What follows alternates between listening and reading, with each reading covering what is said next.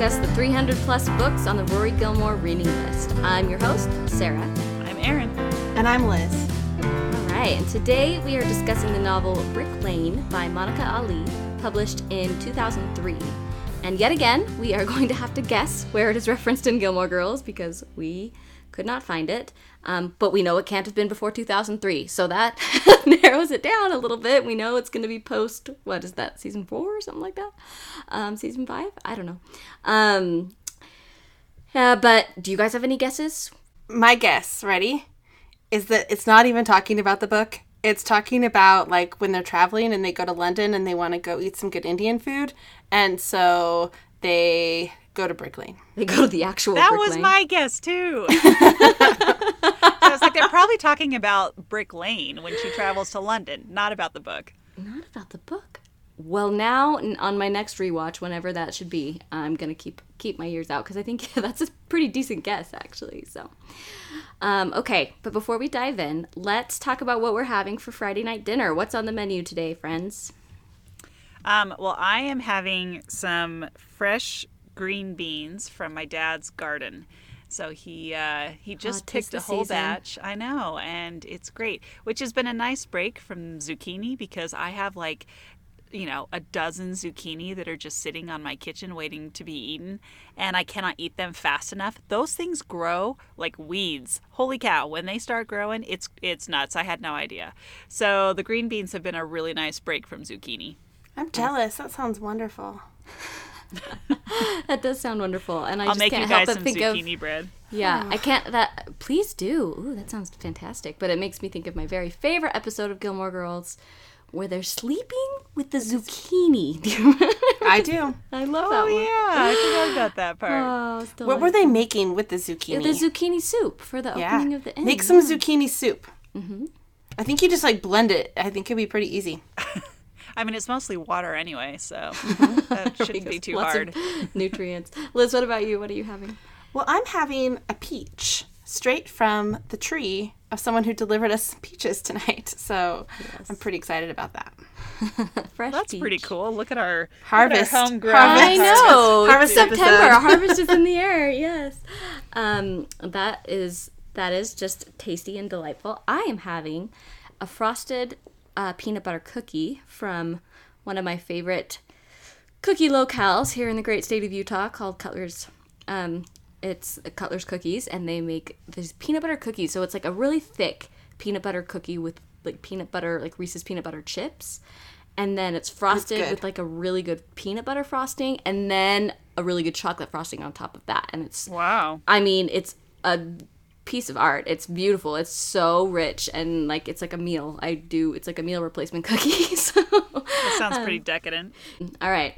So before we dive in and talk Brick Lane, I wanted to uh, introduce a brief uh, news segment that I'm choosing to call "Life Imitating Gilmore Girls" because I had this experience this week, and uh, well, within the last couple of weeks, and it just was uh, it was too good not to share, and um, so it should be self-explanatory where this is my life imitating the Gilmore Girls, and so uh, full disclosure to our listeners, I was recently starting to date someone and then it didn't work out. And um, at the same time like the building where i live has seen this influx of stray cats. And I, couldn't, uh, I couldn't help but think of uh, a scene from i think it might be the same episode of gilmore girls actually with the zucchini where uh, the cats come to Lorelai's house and she's really distressed. So we're gonna listen to that scene for a second and just that com- scene is great. commiserate a little bit. Hello? They know. Who knows? The cats. They know that I've broken up with Jason and that I'm alone, and they've decided it's time for me to become a crazy cat lady. What are you talking about? There's a cat on my doorstep. Well, that's better than a bun in your oven. It's just sitting there. Staring at me, like it knew this moment was coming. It's still there. Why is it still there? Mom, it's a stray. It's passing through. It's hanging out. Relax. Move away from the window and go back to bed. It's not fair. We just broke up. It just happened. I'm, I'm still young. It's still possible that I'm gonna have a successful relationship. You don't know. My eggs are still viable. Are you yelling at me or the cat? Cat, I think it just flipped me off with his tail. I'm Babette. Babette's not single. Whose side are you on? Circle the wagons. Sorry. Everyone knows. They can see it in my face. She's single. Again, she couldn't make it work. Again, she picked the wrong guy. Again. Hey, do not lick yourself in front of me. Mom, I need you to get a grip. You're tired, you're stressed out, and you're not seeing things clearly. Oh my god! What? There are two of them. They're not even easing me into this, those bastards. I give up. Oh, I guess I need to start collecting newspapers and magazines, find a blue bathrobe, lose my front teeth. Well, obviously you've got a busy day ahead of you, so I'm gonna let you go. Yarn balls. I need to find some yarn balls. Bye. Hey, I am a young, desirable woman. So I just have to say like that that exactly kind of situation has been happening. There's like stray kittens that are just like lounging by my car. They are gathering around me and it's like they know. And and, and I really the first thing that came across my mind was Lorelai's cats came to my house today. and um it's it's something that I'm working through, and Gilmore Girls is helping me to process that, and I feel grateful that we have uh, we have we have this space to process it together. Yeah. Um, can I share my own Gilmore Girls moment from this week? sure. So, as I've mentioned before, I'm working my way through um, Veronica Mars, and it's taking me a little while. But I'm in season three right now, and guess who makes a surprise guest appearance? oh, we know. Oh, we know. Yeah, yeah, Mr. Logan Huntzberger, he sure does. who's having a conversation with another character named Logan. And I was like, what was it with everyone in the early aughts who called everyone Logan? Apparently, that was a very popular name. Yep. But At least yeah. on the CW. Yep. Well, sure.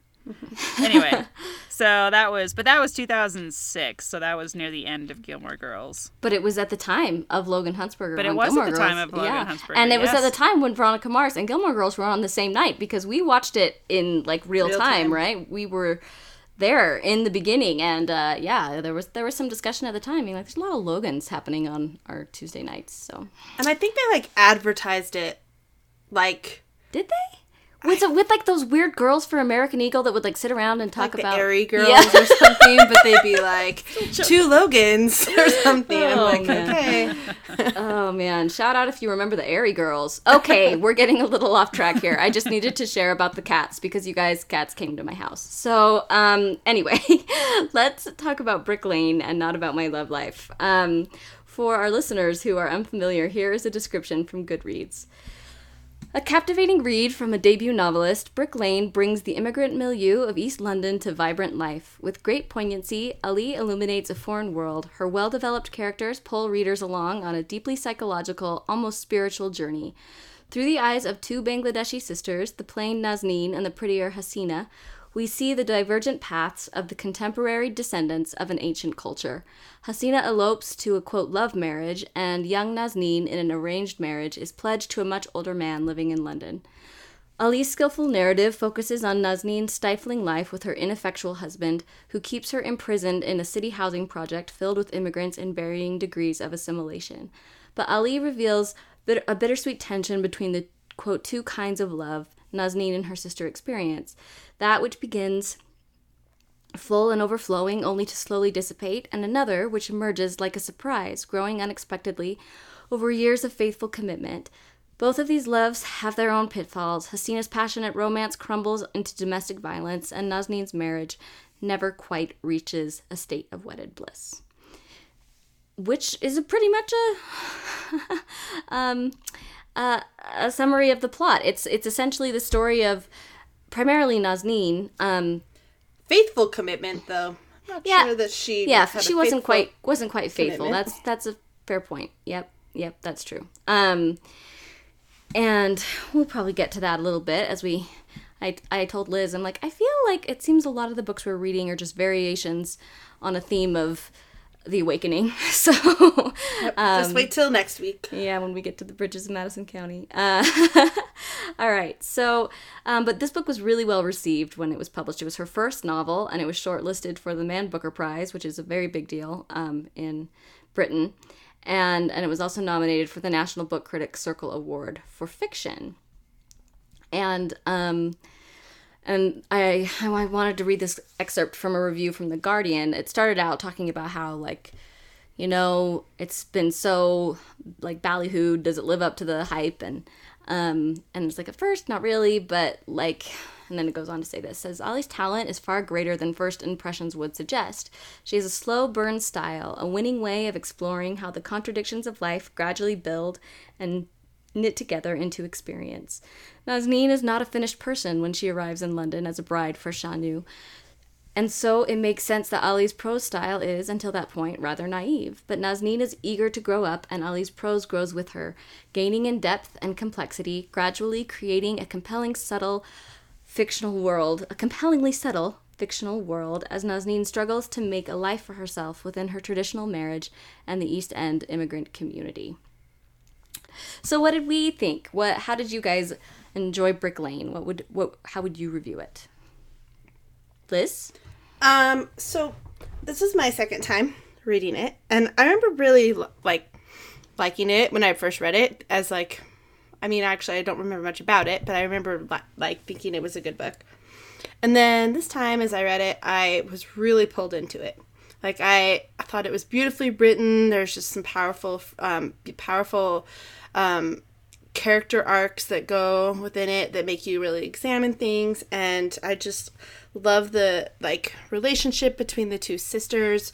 Even though they're far apart they're writing these letters and they're telling things but they're not telling things. And you have to kind of weave these details together and how what their life is like. And i think my broader cultural knowledge of the world since i first read it um, has helped me appreciate it more too. I mean, I remember this time as I read it, I was really like thinking about the fact that she worked in this Bangladeshi factory, the sister Hasina, how she worked in a Bangladesh factory of, for clothes, and how now that I know these yeah. like working conditions in those factories, that's a pretty horrible life that she leads, right? That she what she isn't telling her sister is a lot actually, yeah. and that that's a pretty stark um, experience. Also for Nazneen too. Her her life sewing in her home. Like she lives this life in London and she just doesn't see London, right? She lives in a very limited scope of the world too. And I think that that broader and even like you were saying about how there's a theme kind of rolling along from awakening or from other books but i think that now that i've seen a lot other a lot of other literature too and a lot of experiences in life where you can see how she comes to herself and finds out who she is in different ways is just really powerfully shown. Mm-hmm. So I'm, I mean, I would like. I, I mean, I'll, I'll, give it a five. That's right. Five. I said it. Five. Wow. Mm-hmm. I like it. All right. All right, Erin. What about you? Sure. So um, I've decided that I'm going to start off my reviews by sharing where I got the book that I'm reading because, as we've talked about before, I like to yeah. go collect and find these books, and I think that's kind of fun. So this mm-hmm. one came from the Big Chicken Barn books in Ellsworth, Maine. It's literally in the middle of nowhere. But, um, and it is actually an old chicken barn that has been converted into like a, uh, a bookstore? Yeah, well, it's like a bookstore and it's like just like a, you know, thrift, well, not thrift store, but, you know, like a, um, like a shop with a whole bunch of random stuff in it. And the second floor is just all books. And so you just go and it's just tons and tons of books. Um, anyway, so that's where this one comes from. And I am I don't know that I would be quite as generous as Liz. I don't think I would give it a five. I would probably give this book a four. I thought um I, I mean part of me struggled within myself because it takes a while to like read through this. Like it's not a very gripping story and or at least I didn't feel like it was. It was not hard to read and I got into the story, but I wasn't ever like you know, waiting to pick it up to see what happened next. Um, yeah, it's not really it, it's plot not page driven. turner. Yeah, yeah it's not mm-hmm. plot driven. And so I had a little bit of a hard time just like kind of getting myself through the book, and it's quite long for a book that's not really plot driven, and so um, so I would probably give it a four for that reason. But I thought the writing was very beautiful, and I really liked, like Liz said, I really liked the relationship between the two sisters, and just hearing the way that they were looking at the world and and again like Liz said the way they were sharing things but also not sharing things and you kind of had to read between the lines sometimes. I think that's really talented writing when she can get the point across without actually saying what's going on.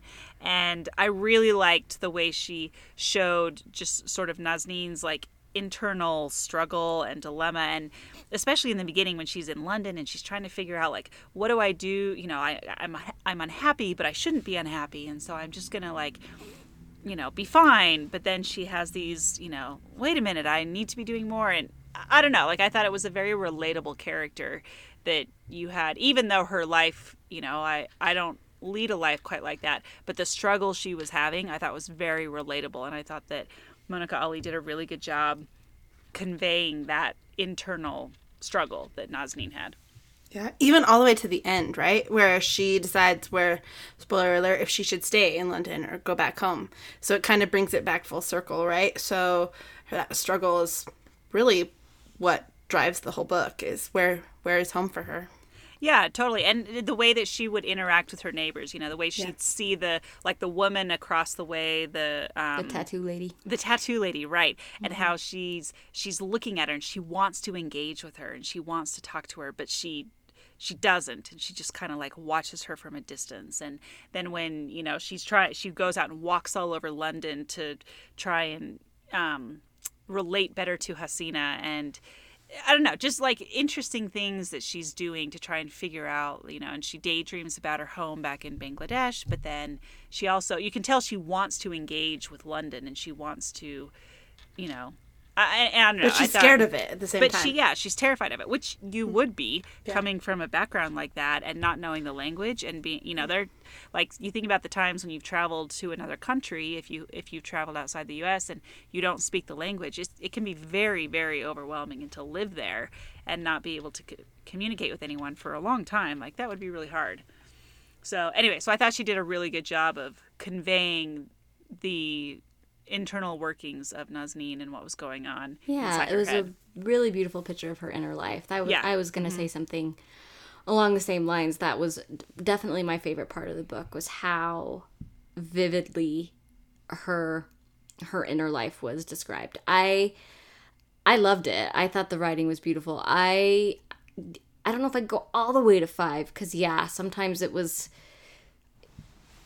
it, it, it was it was hard it, it wasn't hard. It's just yeah it doesn't necessarily like you know pull you to the end. But um but it was so just gorgeous. It was so beautifully written. And and really as as far as a novel goes and like an exercise in empathy and this is something that i'm not i normally i'm not drawn to fiction. I read a lot of nonfiction outside of this podcast and that's typically kind of what i prefer. And and but i know that you know that there's so much good to be so much good that comes from reading fiction because i think it opens up our perspectives and and we see into the lives of even if they're fictional but like it, it helps us.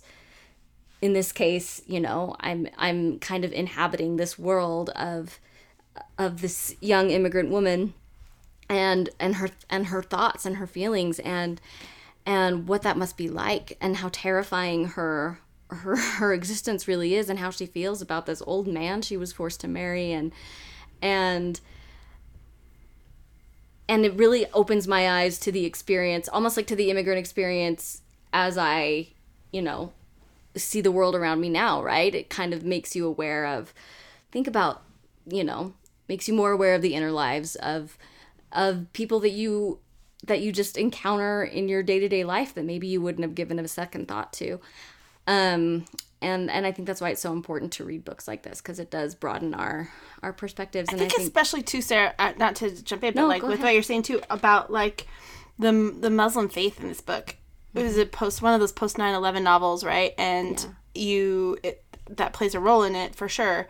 but the perspective that the, the different levels of uh, devoutness or you know belief in the in in her, in her faith it definitely came through and helped me see some empathy in like how they how this how these people were responding to what's happening with 9-11 or responding to what's happening as they were um, trying to fit in in london and be what, what role they want their children to follow as they get older just yeah, just that, just like yeah. what that experience must be like, where you're you're living in an environment that's so alien from what you've known, and and like you were saying before, Liz, like that idea of home and what is home and and and what that must be like. That's not something that I've ever experienced myself, and I feel like it's um, at least not to that extent, and and and when you don't speak the language and and you're so dependent on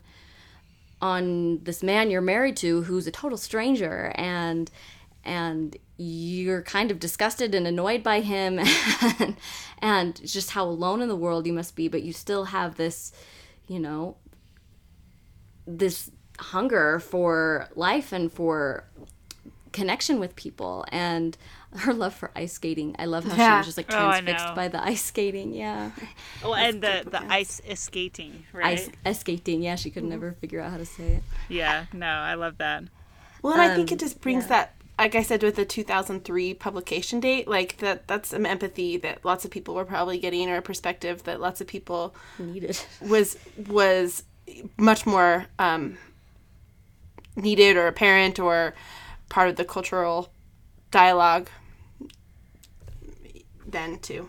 Yeah, Yeah. definitely. Well, That- and I that- like how I like how her own um, approach to the her faith. I, like I love how her faith played such a role in this, both culturally and personally.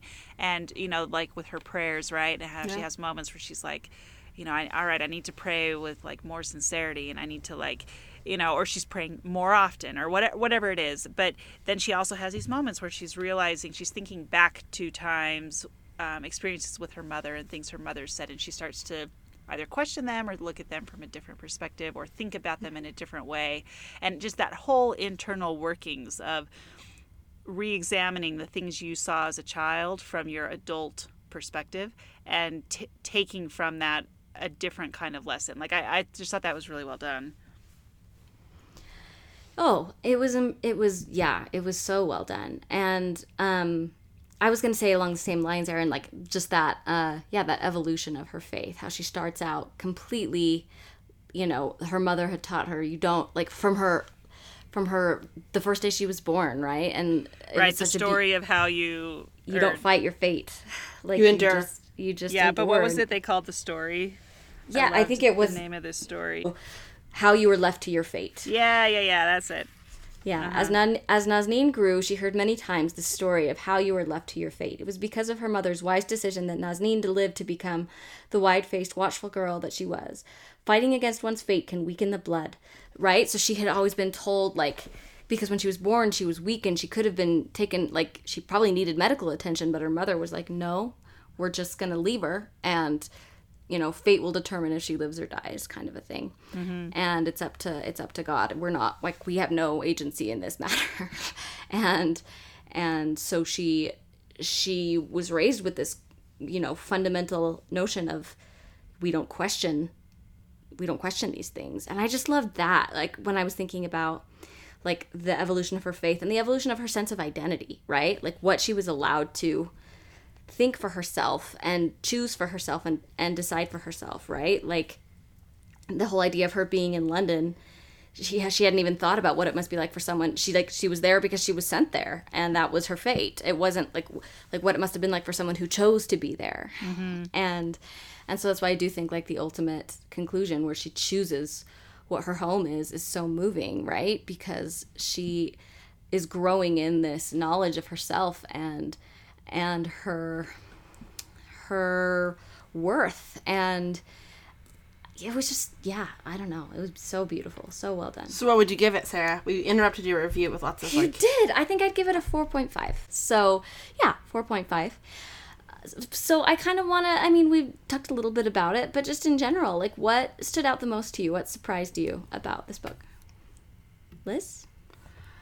So we brought up um, flashbacks a little bit, how she would jump around. Like at first, to me, I found this a little bit confusing as I was reading it. Maybe this is also why it's hard at the beginning.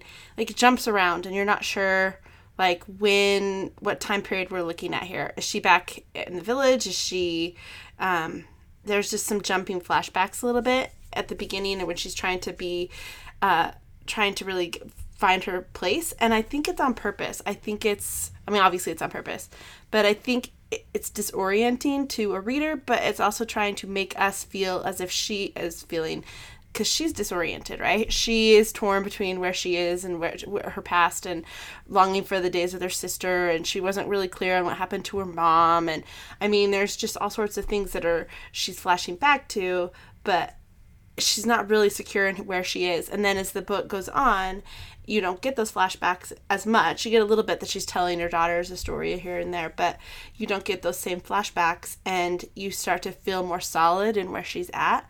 And I just like how it pulled me into that mood, I guess, of how she's feeling, even just by like the way it's written. So to me, that was a surprising or something that stood out to me was just the at first the flashbacks were kind of jumpy and confusing and then i kept thinking to myself yeah because i'm supposed to be feeling like she is a little bit a little bit lost a little bit irritated with her husband a little bit confused about why my sister gets to have this love marriage. And then as time wears on obviously that love marriage tapers off and her own life becomes a little bit more routine less happy. And then a little bit more shaky, you know, as it Who Hasina? no, both Or of them, Nazneen? both Yeah. of them. I mean, I think she gets in a pretty solid place, and then uh, the whole arrival of Karim sort of, you know, shakes things up, Sure. as it would, right? She he's part of that, I think, for her, but not the only part. Which is why another thing that I liked about this is it's not just here I have this affair with this young guy, right? It's way more than that, right? It's not just about her her finding an individual identity outside of her marriage because really i think it helps like sh- show her the good things about her husband too Yeah. right so Her husband was such a fascinating character. Yeah. Like, mm-hmm. so interesting, right? And she ha- constantly has to remind herself, like, well, he doesn't beat me, so, you know, I have it really good.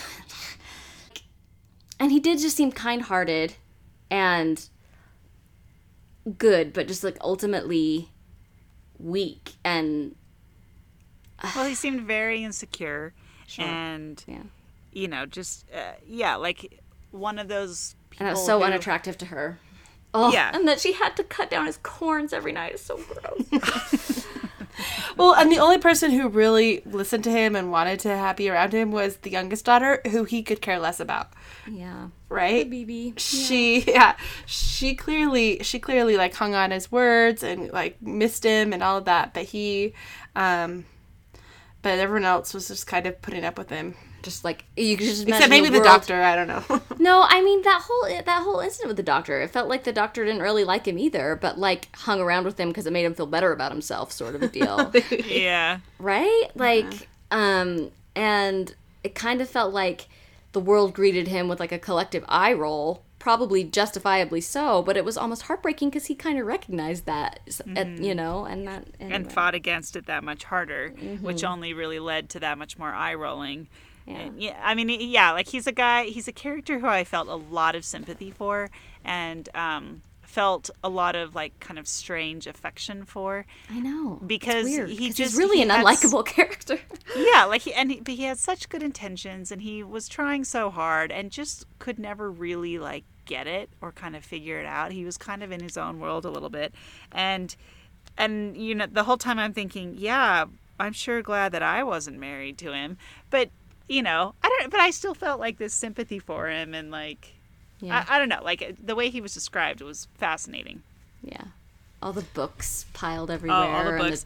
the, the Well, and the random stuff he would bring in, like you know, now he wants to do a chair. Uh, Yeah, they were like little renovation quarters. business. business. Yeah, so Yeah. you know they're bringing in all these chairs and they're everywhere, and then all of a sudden the chairs are out on the street and they're all like, yeah, yeah. I just thought it was, yeah, mhm. Yeah, and the book had such clever ways of kind of denoting that like he'd moved on to a new thing, right? Like it doesn't have to explicitly state he's moved on from the chairs onto whatever, but just like all, you know, stating that the, the the for the chairs were being burned or something like that, just after a passage of time, kind of a thing, you know. Well, and it's like the the coming on of the chairs is so subtle too. Like all of a sudden you realize, oh, they have a ton of chairs because she's talking about the different chairs in the house and the ones that she likes to sit on and the ones that she doesn't. You know, like the one in the bedroom, right, that she like hates and like can't stand. Um, and then all of a s- and you're like, over time, you're like, oh, he they, like they mentioned something at one point, like with his chair you know, refurnishing business, and you're like, oh, that's where the chairs are coming from. Yeah. And then all of a sudden, the chairs are outside being burned, and you're like, oh, well, all right, I guess that's over with.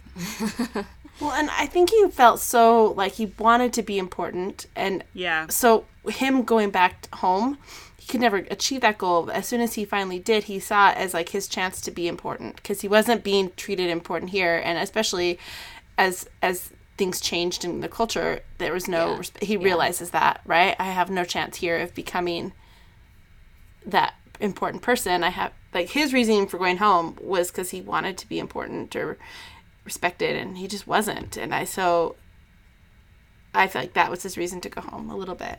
Definitely. Yeah, well said. One thing I also liked was um, the kind of the tool that the novel used as far as communicating like the letters. Like I like I like a good um, what's the word? Epistolary. epistolary novel, and um, and and and the letters from Hasina, uh, and and what they do and don't tell us, and about her character and about her life and and the contrast with her life versus you know and what chaos and turmoil and and poverty she's dealing with and and um I mean, that could be its own novel, yeah. And we just get glimpses of it. right? And and contrasting that to Nazneen's experience which is much more you know contained to this small world of this housing project essentially. And and she has this relatively safe um kind of boring life and Hasina's living this big drama you know in this bustling city and and it's just an interesting contrast uh, and then her voice and how i thought it was weird though like because one's assuming that like she's writing those letters in her native language but like they're written in kind of this like broken english like as though she's trying to write in english i don't know i thought i thought that was a little bit strange but i did think that it was Yeah, I thought that was strange too. Like, I Or maybe it was tell- just broken in whatever language. Maybe she didn't have a very good education and couldn't write very well. maybe except they were kind of well to do in their village so one would have thought they uh, were a little had could I mean, I don't know that that.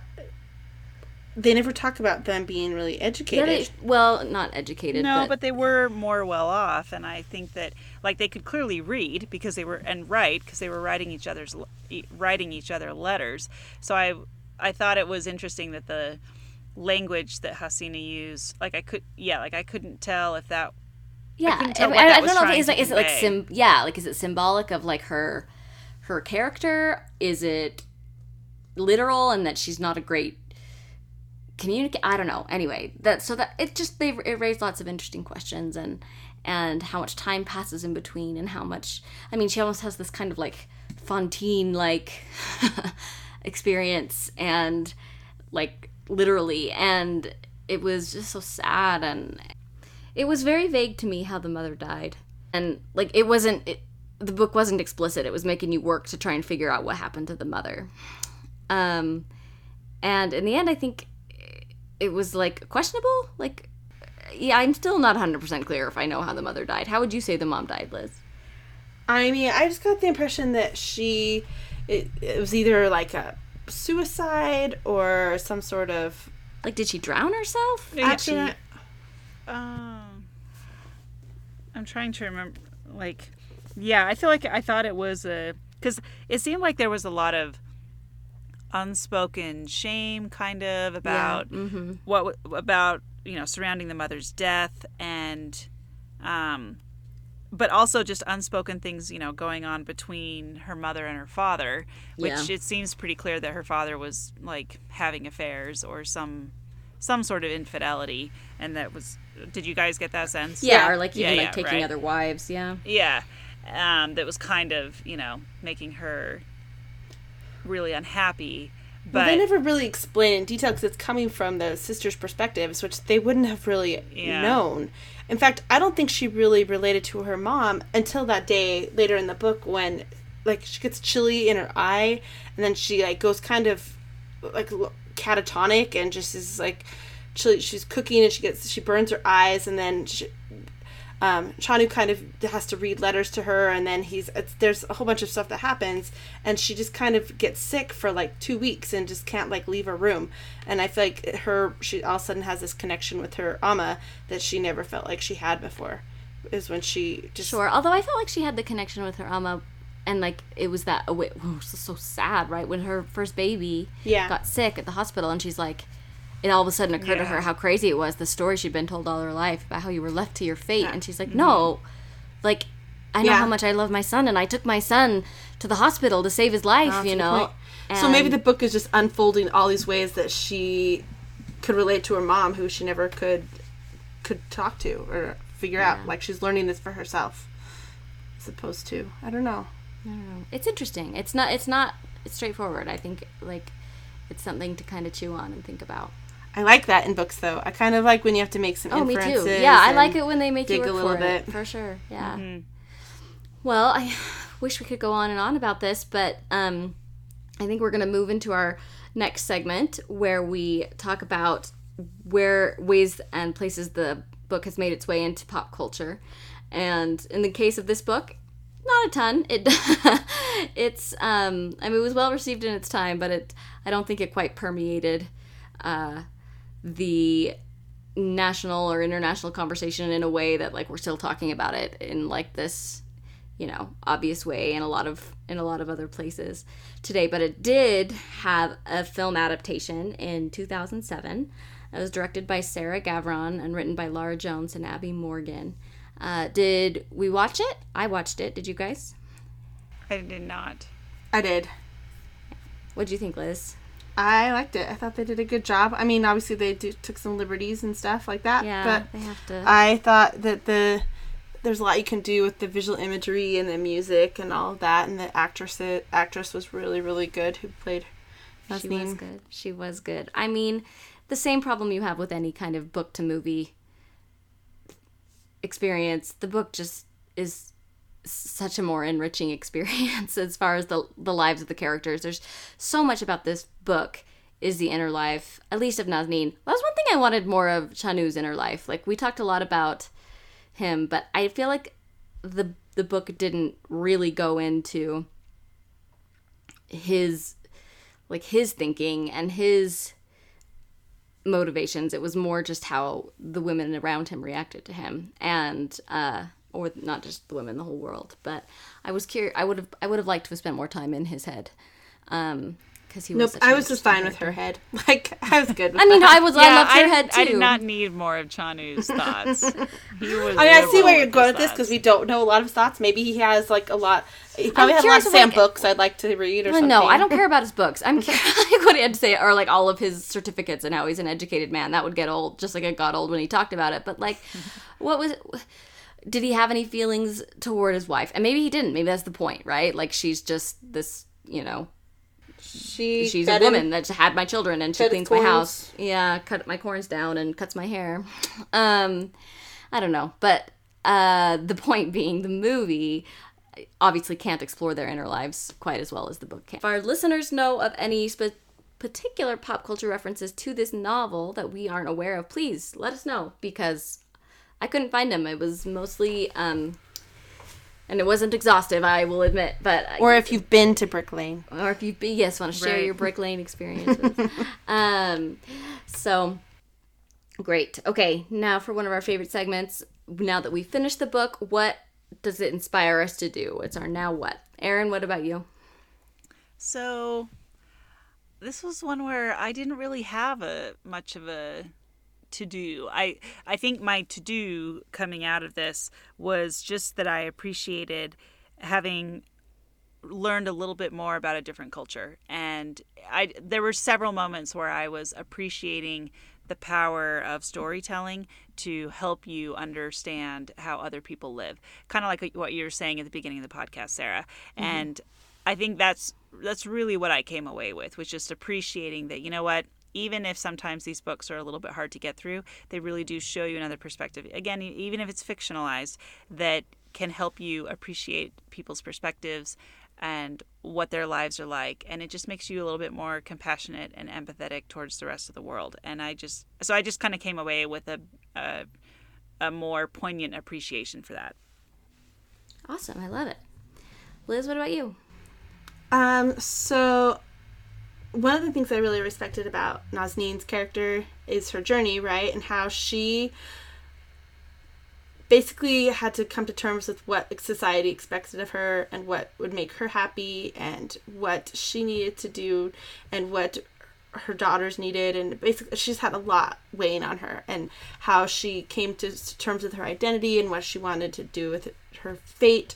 I basically like how she took control of her fate is really what i thought. And i'm not saying i have to do a, a whole bunch of this right now i don't but i was inspired by how she did that and then i love how at the end it just like shows her like owning the ice skating, right? She goes back to she puts on she I think she goes ice skating for the first time or something and she like thinks of who she is not just by like what her daughters expect of her or what her husband expects of her, but what she also what makes her happy and she just can embrace that. And so I guess for me that saying like take control of my fate and like focus on what brings me joy and happiness sometimes instead of what always is expected, right? So that's it. Yeah. I like that. Mine's sort of similar. I um kind of in in line with what it talked about, you know, her her story that she was told all throughout her childhood, how you were left to your fate. And and the power that the stories that we're told about ourselves as children that we aren't even conscious of how they shape us as adults and then when we grow and wake up to different realities than what those stories have told us how um, liberating that can be. And i this is something i've kind of been like working through like with like therapy and mental health and self-care and stuff like that but just examining the stories that i've told myself or have been told to me about myself throughout my life and looking at my life now and seeing if they're still true and how i can um, break free from some of those more confining ones. So that's what i was inspired to do. Um all right. Whew, that's kind of a heavy note to end on. I mean Cats. cats. I was just about to say that. All right. What did uh, what did you guys think of Brick Lane? Come find us on Twitter, Instagram, and Facebook at Reading with Rory, or join the conversation on our website at readingwithrory.com. You can follow us on Spotify for music inspired by all the books on our list. And also, don't forget to leave us a review. We love to hear how we're doing, and we'd love to keep growing our audience. And reviews help us uh, find new listeners, and new listeners find us. So, next time on Reading with Rory, we are going to be reading The Bridges of Madison County by Robert James Waller. So, excited for that. I feel like there might be some similar things that we discuss on that episode. So, uh, but thank you for listening and keep reading along with us, and we'll catch you next time.